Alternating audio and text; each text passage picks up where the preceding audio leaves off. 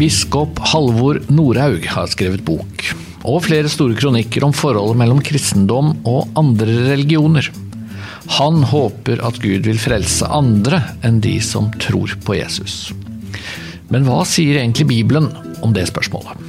Det skal bl.a. Sverre Bø, professor ved Fjellhaug internasjonale høgskole, si litt om.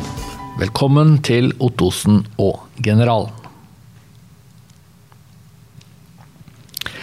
Velkommen til uh, ny podkast. Velkommen tilbake hit, uh, Sverre. Nå har vi begynt å gjenbruke gjester. Ja, takk for det. Veldig hyggelig å ha deg med, Sverre. Og fint å være på lufta igjen. Det er jo en liten stund siden nå vi hadde den her episke tolvtimerssendinga vår som, uh, som ble ganske krevende, men ganske givende. Men vi tar en skikkelig presentasjon. Espen Ottosen her, informasjonsleder i Norsk Luthersk Misjonssamband. Og fortsatt Øyvind Aasland her, generalsekretær i Misjonssambandet. Og du var innom, du Sverre, også eh, på den tolvtimers eh, sendingen vår. Som altså hadde overskriften 'Hele NLM løper'. Først var du her og snakka om løping i Bibelen, og så løp du selv ganske Tre mil? Ja, jeg løp uh, tre mil, og det var i grunnen gøy. Så da jeg løp neste løpetur, så tenkte jeg la meg prøve å se hvor langt det bærer. Så det ble maraton. Oi, oi. Ikke så fryktelig fort, men uh, hjemme i skogen i Enebakk, opp og ned og rundt omkring. og Fire timer og 13 minutter, så det var ikke noe tid å skryte av. men altså Oh, det, er ja, det er fantastisk. Men Har du da en løype du løper gang etter gang etter gang, eller tar du det litt mer sånn uh, tro hvor jeg kommer hvis jeg løper til venstre her-tur? Akkurat denne gangen så hadde jeg en 7 kilometer som jeg løp seks ganger. Ja, Andre ganger så løper jeg litt mer på måfå, og det er jo vel så hyggelig. Ja. Men da roter man seg borti en myr eller et eller annet, og, og må snu. og Fort gjort å tryne når du blir litt ukonsentrert. Vi pleier eh, i denne podkasten alltid å ta en liten runde på hva har skjedd siden sist. Ja. Og da starter vi med noe um, trist som har gjort sterkt inntrykk på oss alle, tror jeg. Og det er at tidligere generalsekretær Egil Grandhagen døde 20. Um, mai. Ja. Du Øyvind, du overtok eh, ikke direkte etter Grandhagen, men sitter jo i samme stol. Ja.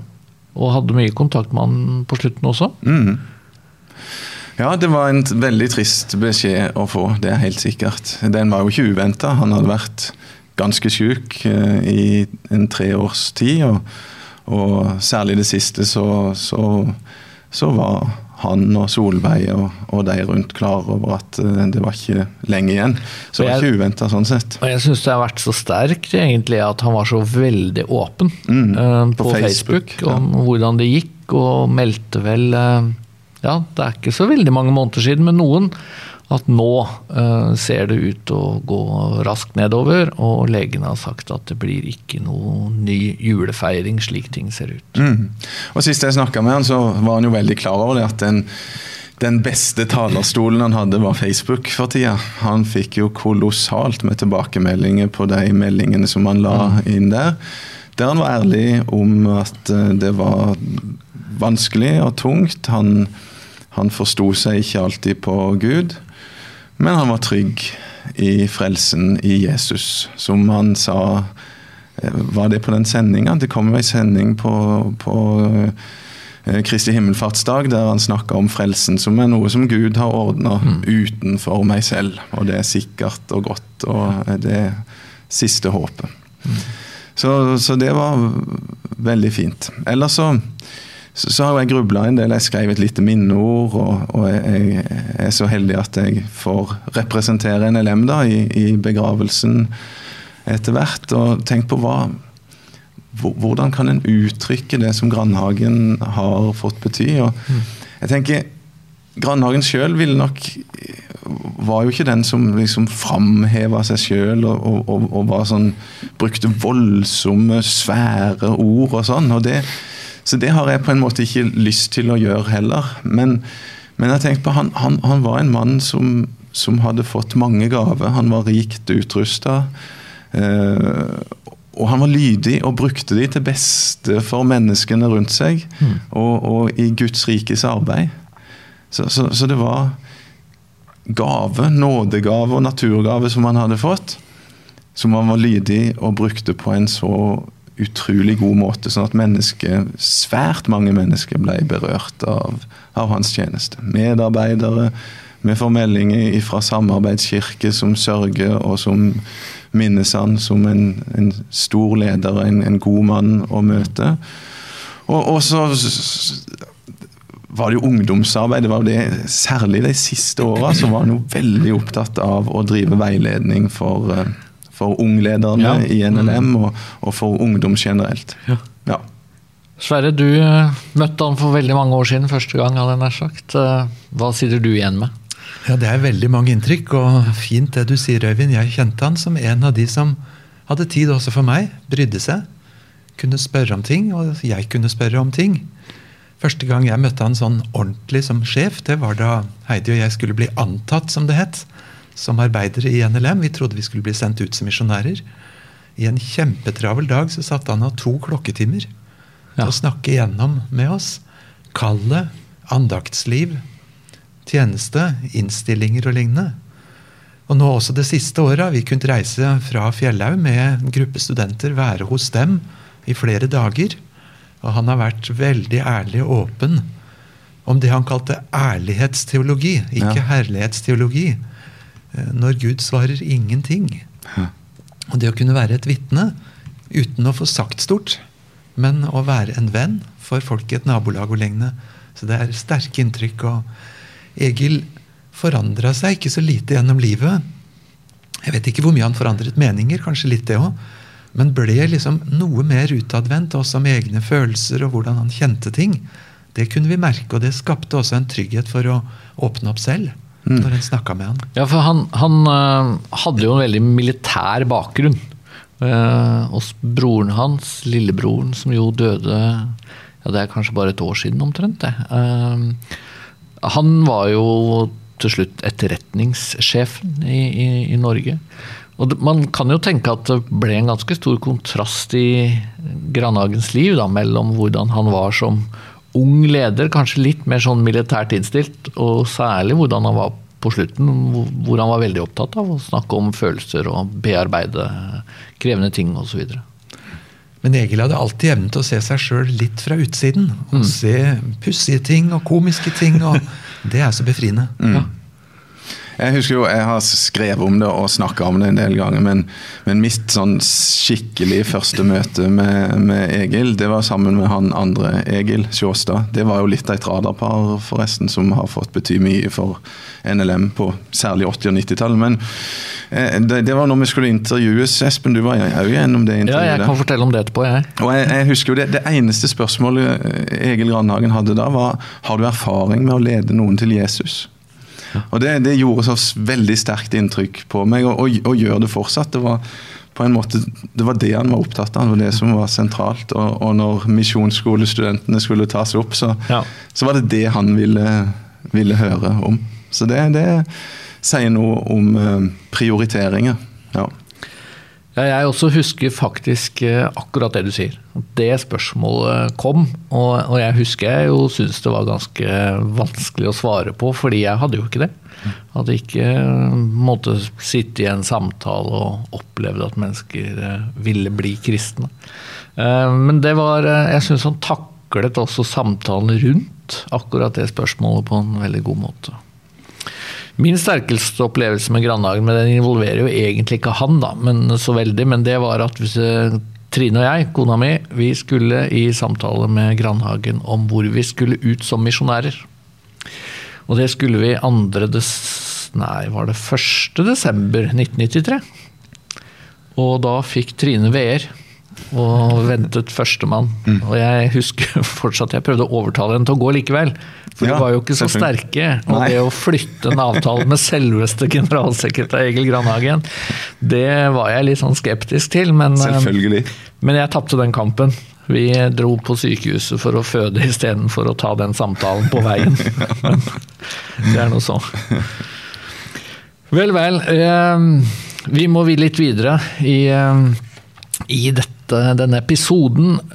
Og Vi har vel et hovedtema som vi bør få snakke litt om, iallfall. Ja, men, men det er litt uh, gøy å få sagt at vi har alle vært på gudstjeneste nå på søndag. Ja. Og vi var faktisk på samme gudstjenesten, selv om det var stramme rammer, for det var påmelding og maksimalt, Fysisk gudstjeneste. maksimalt 50.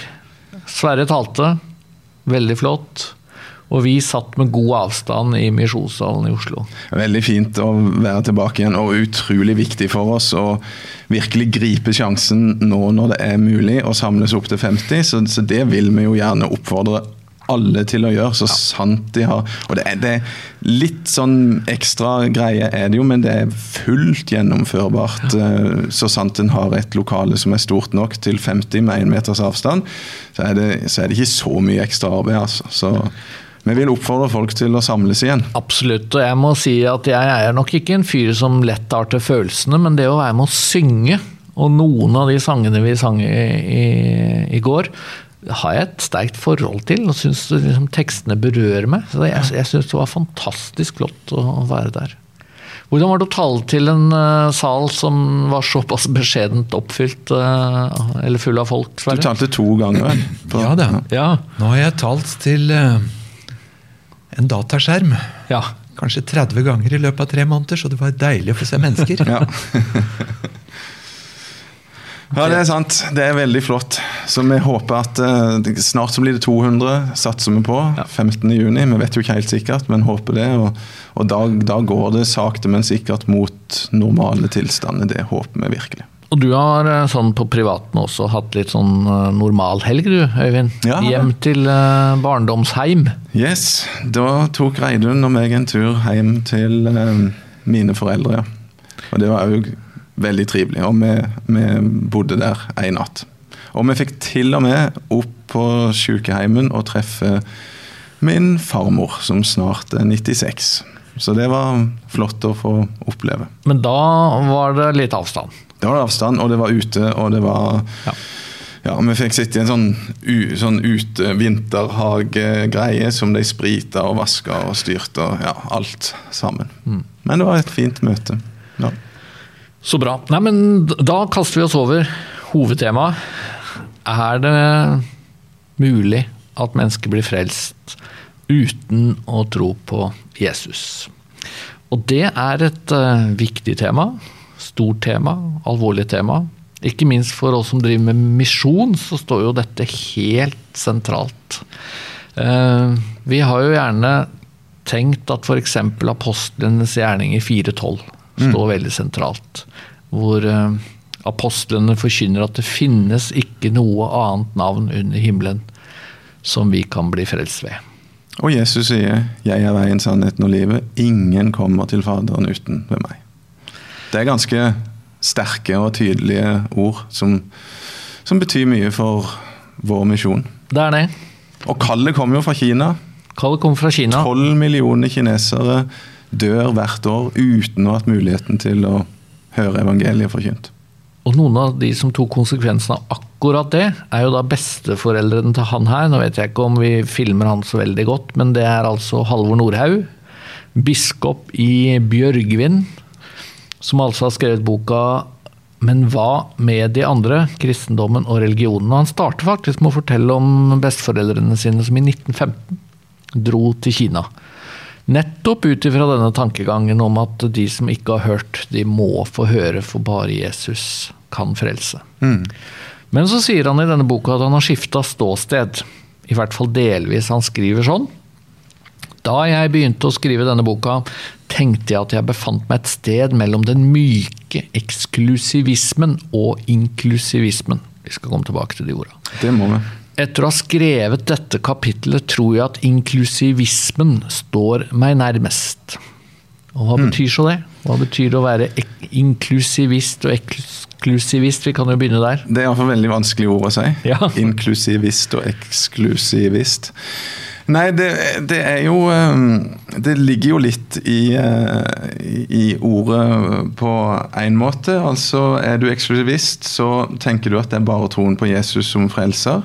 Inklusiv så tenker du fortsatt at det er Jesus som frelser, men at han kan også frelse de som ikke tror i dette livet. At det blir Du kan inkludere i frelsen andre enn de som tror på Jesus. Og så er det noe litt annet enn de som er pluralistiske i sitt syn, og tenker at det er mange veier til, til Gud.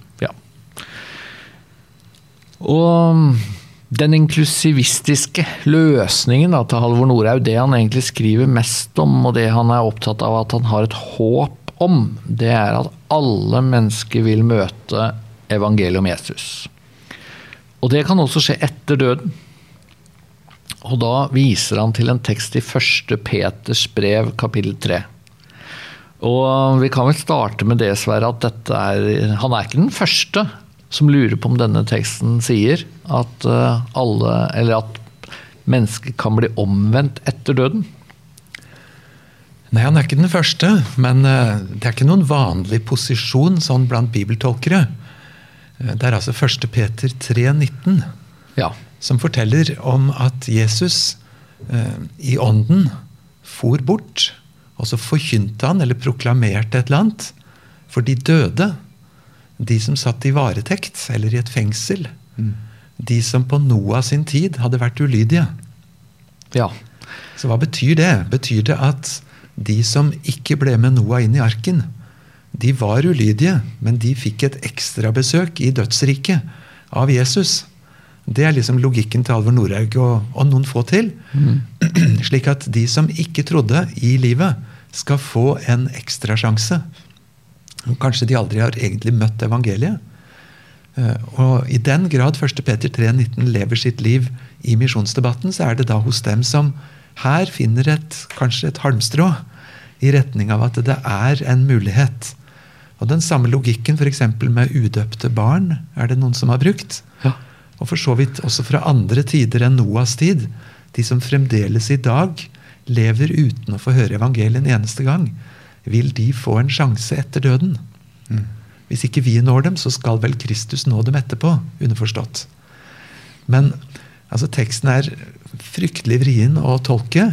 Ja, for det er en vanskelig tekst. altså Hvis vi leser den sånn som den står i den nyeste oversettelsen, så hører man jo bare med alle kommaene at det er ganske komplisert språk. Altså, Jesus, står det da, gikk bort og prekte for åndene som var i varetekt, de som tidligere var ulydige den gang da Guds langmodighet ventet i Noas dager, mens arken ble bygd.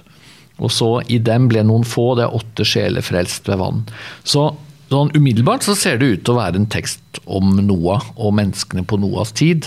Så det å bruke den for å si at absolutt alle mennesker som ikke har møtt budskapet om Jesus, de kommer til å møte det i dødsriket, hvis man kan bruke det uttrykket. Det er ikke en sånn helt åpenbar eh, tolkning. Nei, og jeg har heller ikke noen åpenbar tolkning av dette verset som gjør at det er et enkelt vers. Nei. Er det vrient på norsk, skal jeg love at det er ikke enklere på gresk. Det er skikkelig kronglete formulert. Eh, jeg sjekka nå igjennom fem litt store bibelkommentarer som ikke kommer ifra mine nærmeste venner, altså men internasjonale kommentarer, for å se. og Det var vel ingen av de som egentlig tok opp en sånn tolkning som en særlig sannsynlig tolkning. Men siden enkelte kirkeledere gjennom historien har vært inne på det, så, så, nevnes det i bøkene litt. da. Mm. Mm. Men selve det at åndene skulle bety de avdøde menneskene, det er kanskje én tekst i hele Bibelen ellers hvor åndene brukes på den måten. Mm. Om avdøde, og som regel betyr det noe helt annet. Mm. Så det er en ganske spesiell tolkning å bygge en teori på. i hvert fall.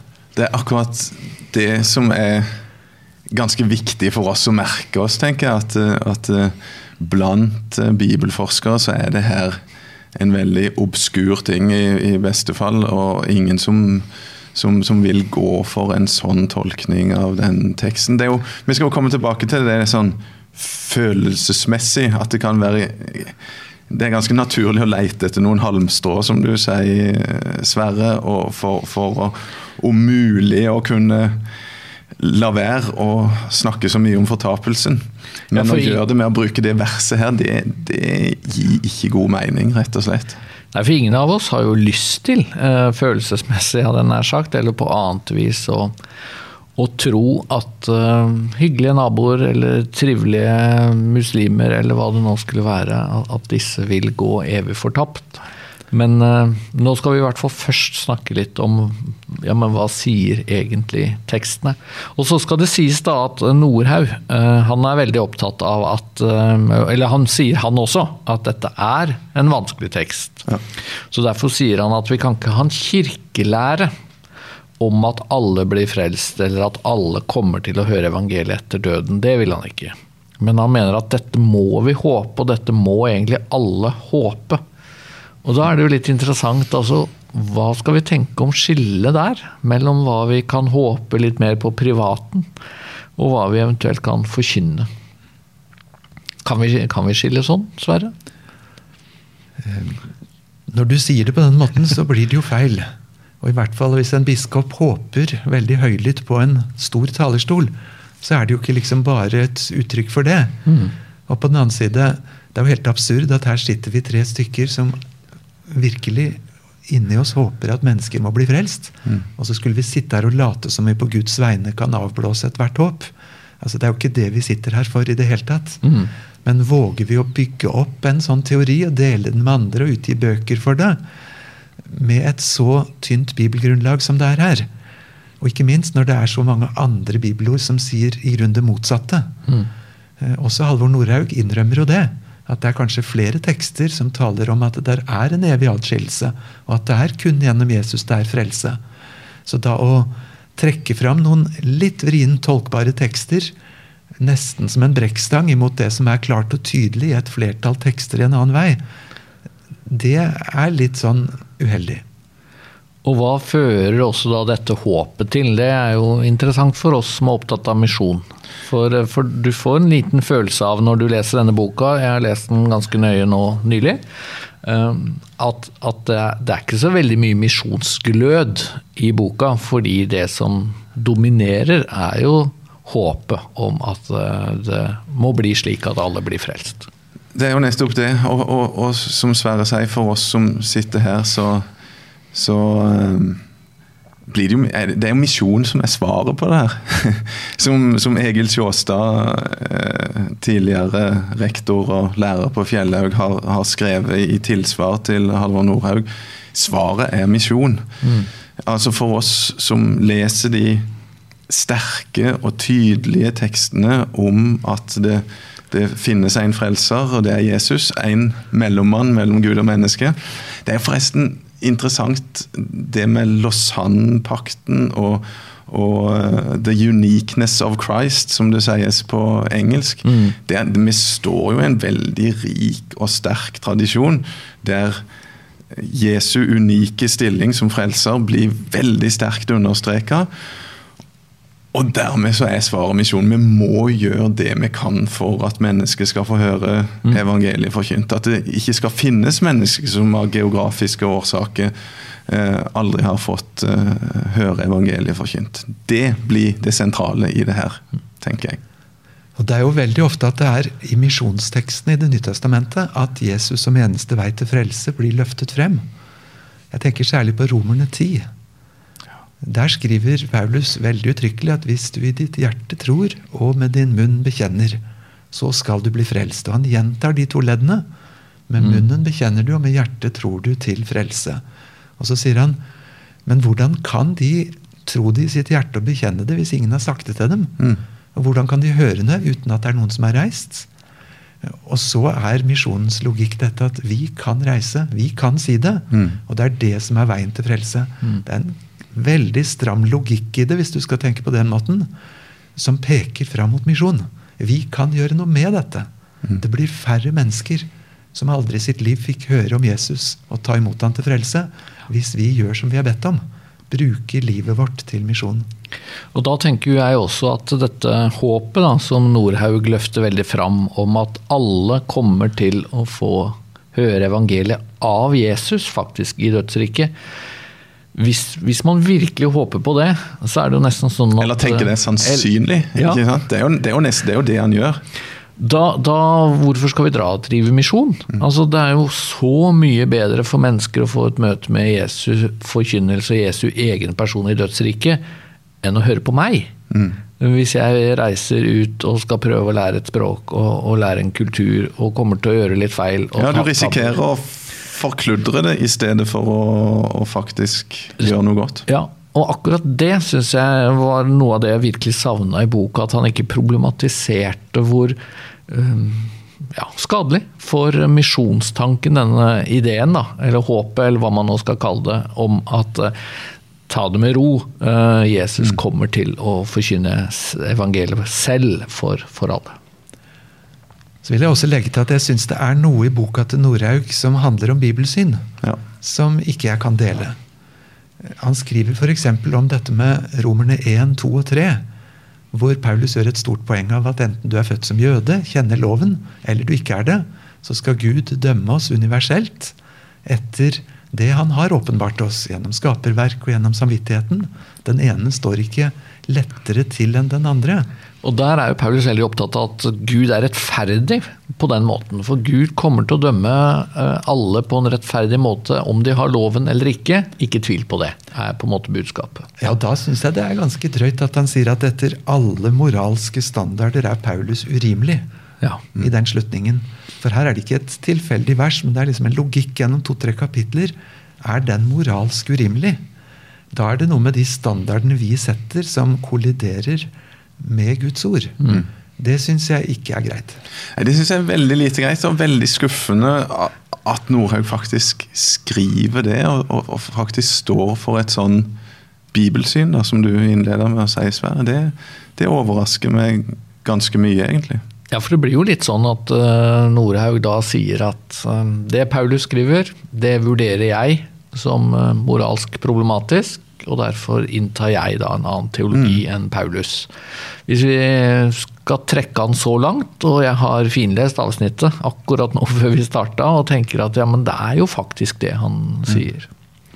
Men jeg har lyst til å bare svinge innom noen flere tekster, for det vi, jo, vi snakker jo egentlig om to temaer nå.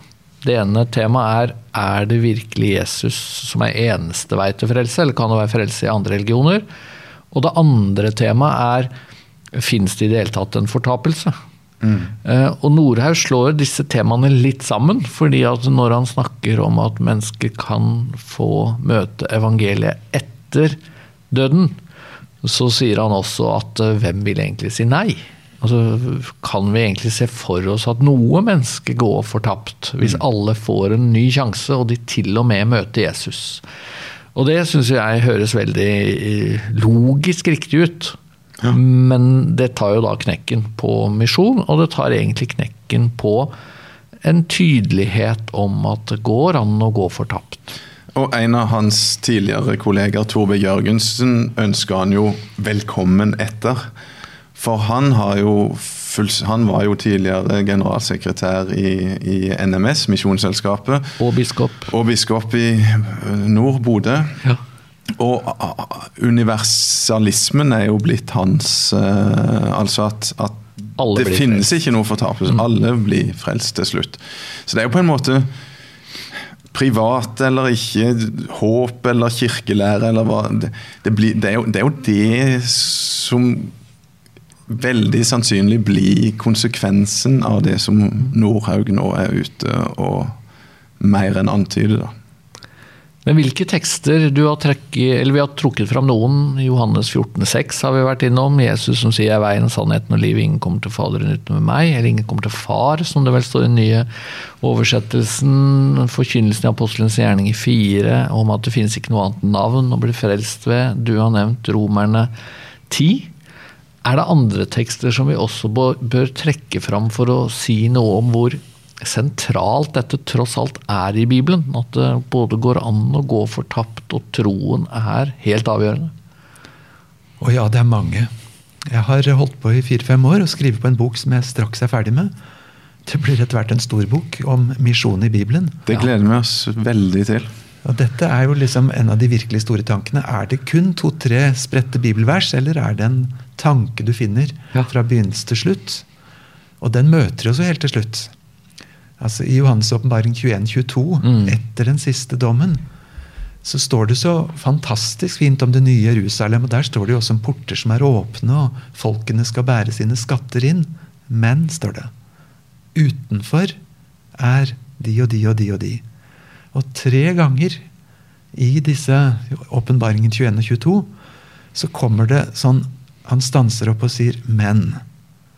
De som er slik og slik og slik og slik, er ikke med der. Deres del er i den sjøen som brenner med ild.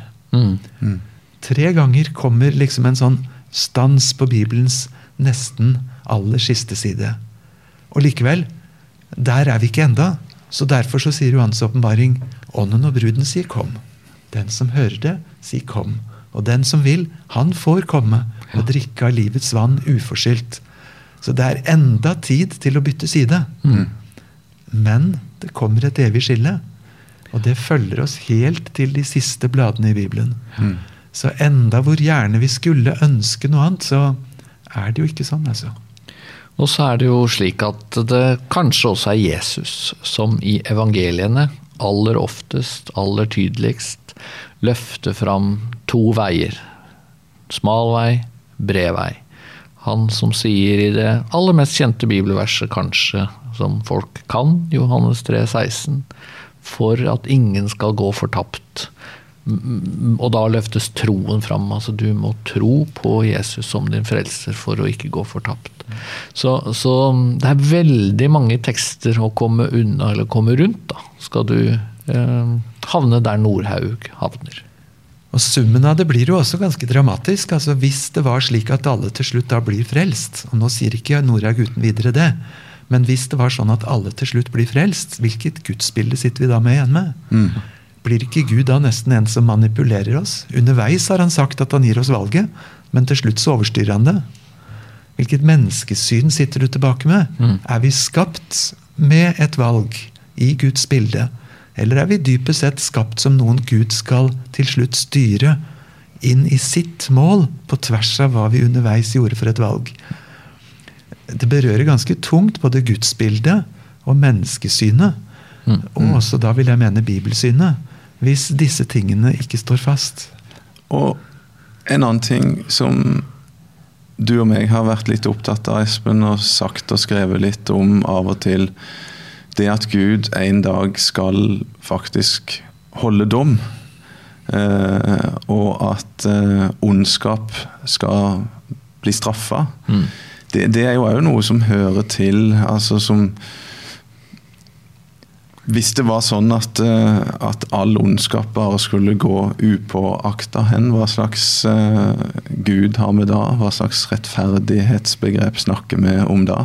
Det er fryktelig for de fleste, heldigvis, å tenke på at naboen eller folk vi er glad i, kan gå fortapt. Men de fleste av oss er enige om at folk som har begått grusomme handlinger, bør få en eller annen dom. Så det hører jo òg med i det totale bildet. Domstekstene er jo ofte trøstetekster, sånn i form. Altså vær ikke i tvil om at Gud sørger for rettferdighet. Mm. Og at den undertrykte skal få, få sin rett. Sin rett. Mm. Ja. Guds dom er dårlig nytt for overgriperen. Mm. Guds tålmodighet er dårlig nytt for offeret. Og det ondes problem er jo på en måte skal ikke Gud snart rydde opp hvis han er både god og allmektig? Mm. Og Bibelens svar er jo, det skal han. Men av tålmodighet med dem som foreløpig har sagt nei, så drøyer han. Ja. Mm. Så det er fordi Gud vil frelse, at han ikke straks har holdt om. Og så er det noen nye som har fått bytte side og komme inn. Derfor drøyer Gud. Så anklagen er urimelig, at det skulle være hjerteløst fra hans side. For det er hans frelsesvilje som får han til å drøye, ifølge 2. Peter 3. Ja. Og så er det sånn at Norhaug også, vi må innom det òg til slutt, han skriver at det finnes jo tekster som tilsier at kanskje vil Gud likevel frelse alle. Og hvilke tekster er det? Og det sier, la meg bare også skyte inn, det sier også kanskje litt om bibelsynet hans. da. Fordi mm. han er ganske åpen for at uh, i Bibelen så, så, er det tekster som rett og slett kolliderer med hverandre. Men det er første Korinterbrev 15 og Efeserne 1. Og der er det særlig denne formuleringen om at Gud på den siste dag så skal han bli alt i alle, eller ja, den type formuleringer som tilsier at oi, er det slik at alle faktisk blir frelst? Er det tekster som kan forstås uh, sånn, Sverre? Ja, det er i hvert fall veldig viktig å lete en gang til. For mange kan ha tatt feil før, og det kan ligge mer i teksten enn vi har sett. Mm. Når det gjelder denne hovedteksten fra 1. Korinterbrev 1528 om at han til slutt skal bli alt i alle, les den nøye. Les versene foran. Der står det ikke om ja nei fra den enkelte, men det står om makter, myndigheter. Hvem står opp imot Kristus? Skal motmaktene holde saken uavgjort forever?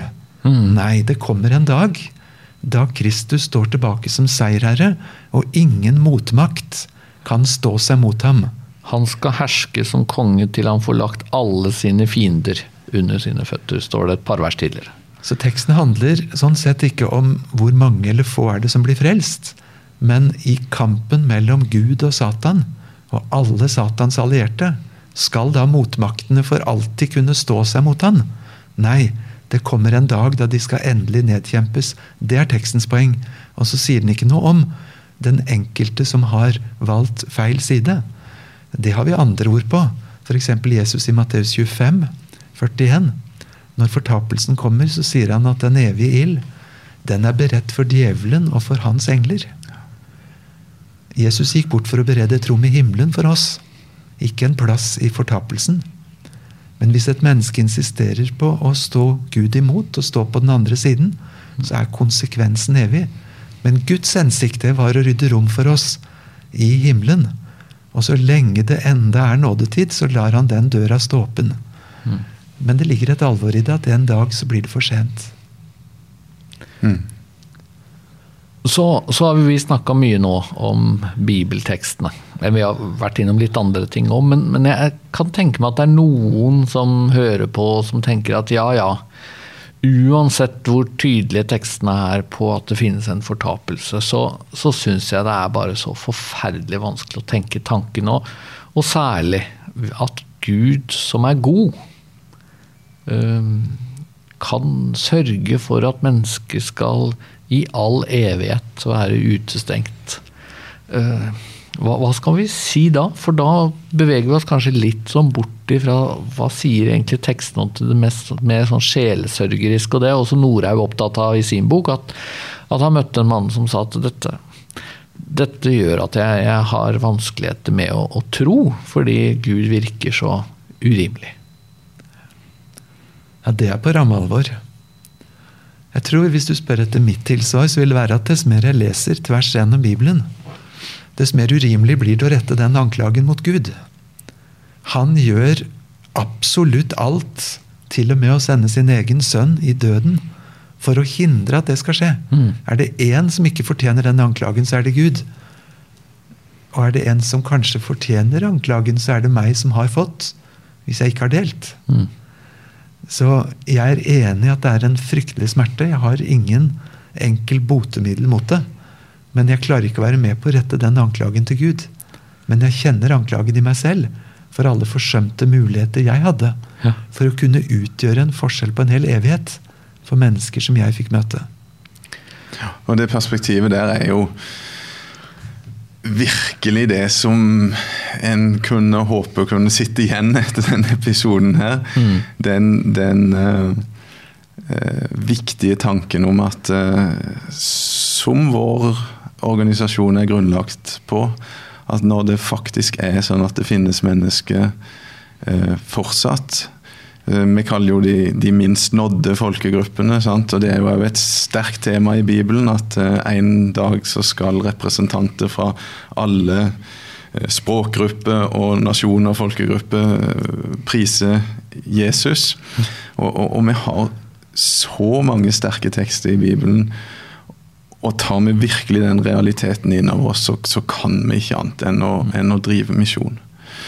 Det, det vi, vi har snakka her før om forkynnelsen av fortapelsen og, og hvor gamle må barn være før du kan eh, forkynne for dem, og på hvilken måte skal du gjøre det, og sånn. Og det, det er klart, det her, her må vi virkelig være varsomme, kloke, pedagogiske.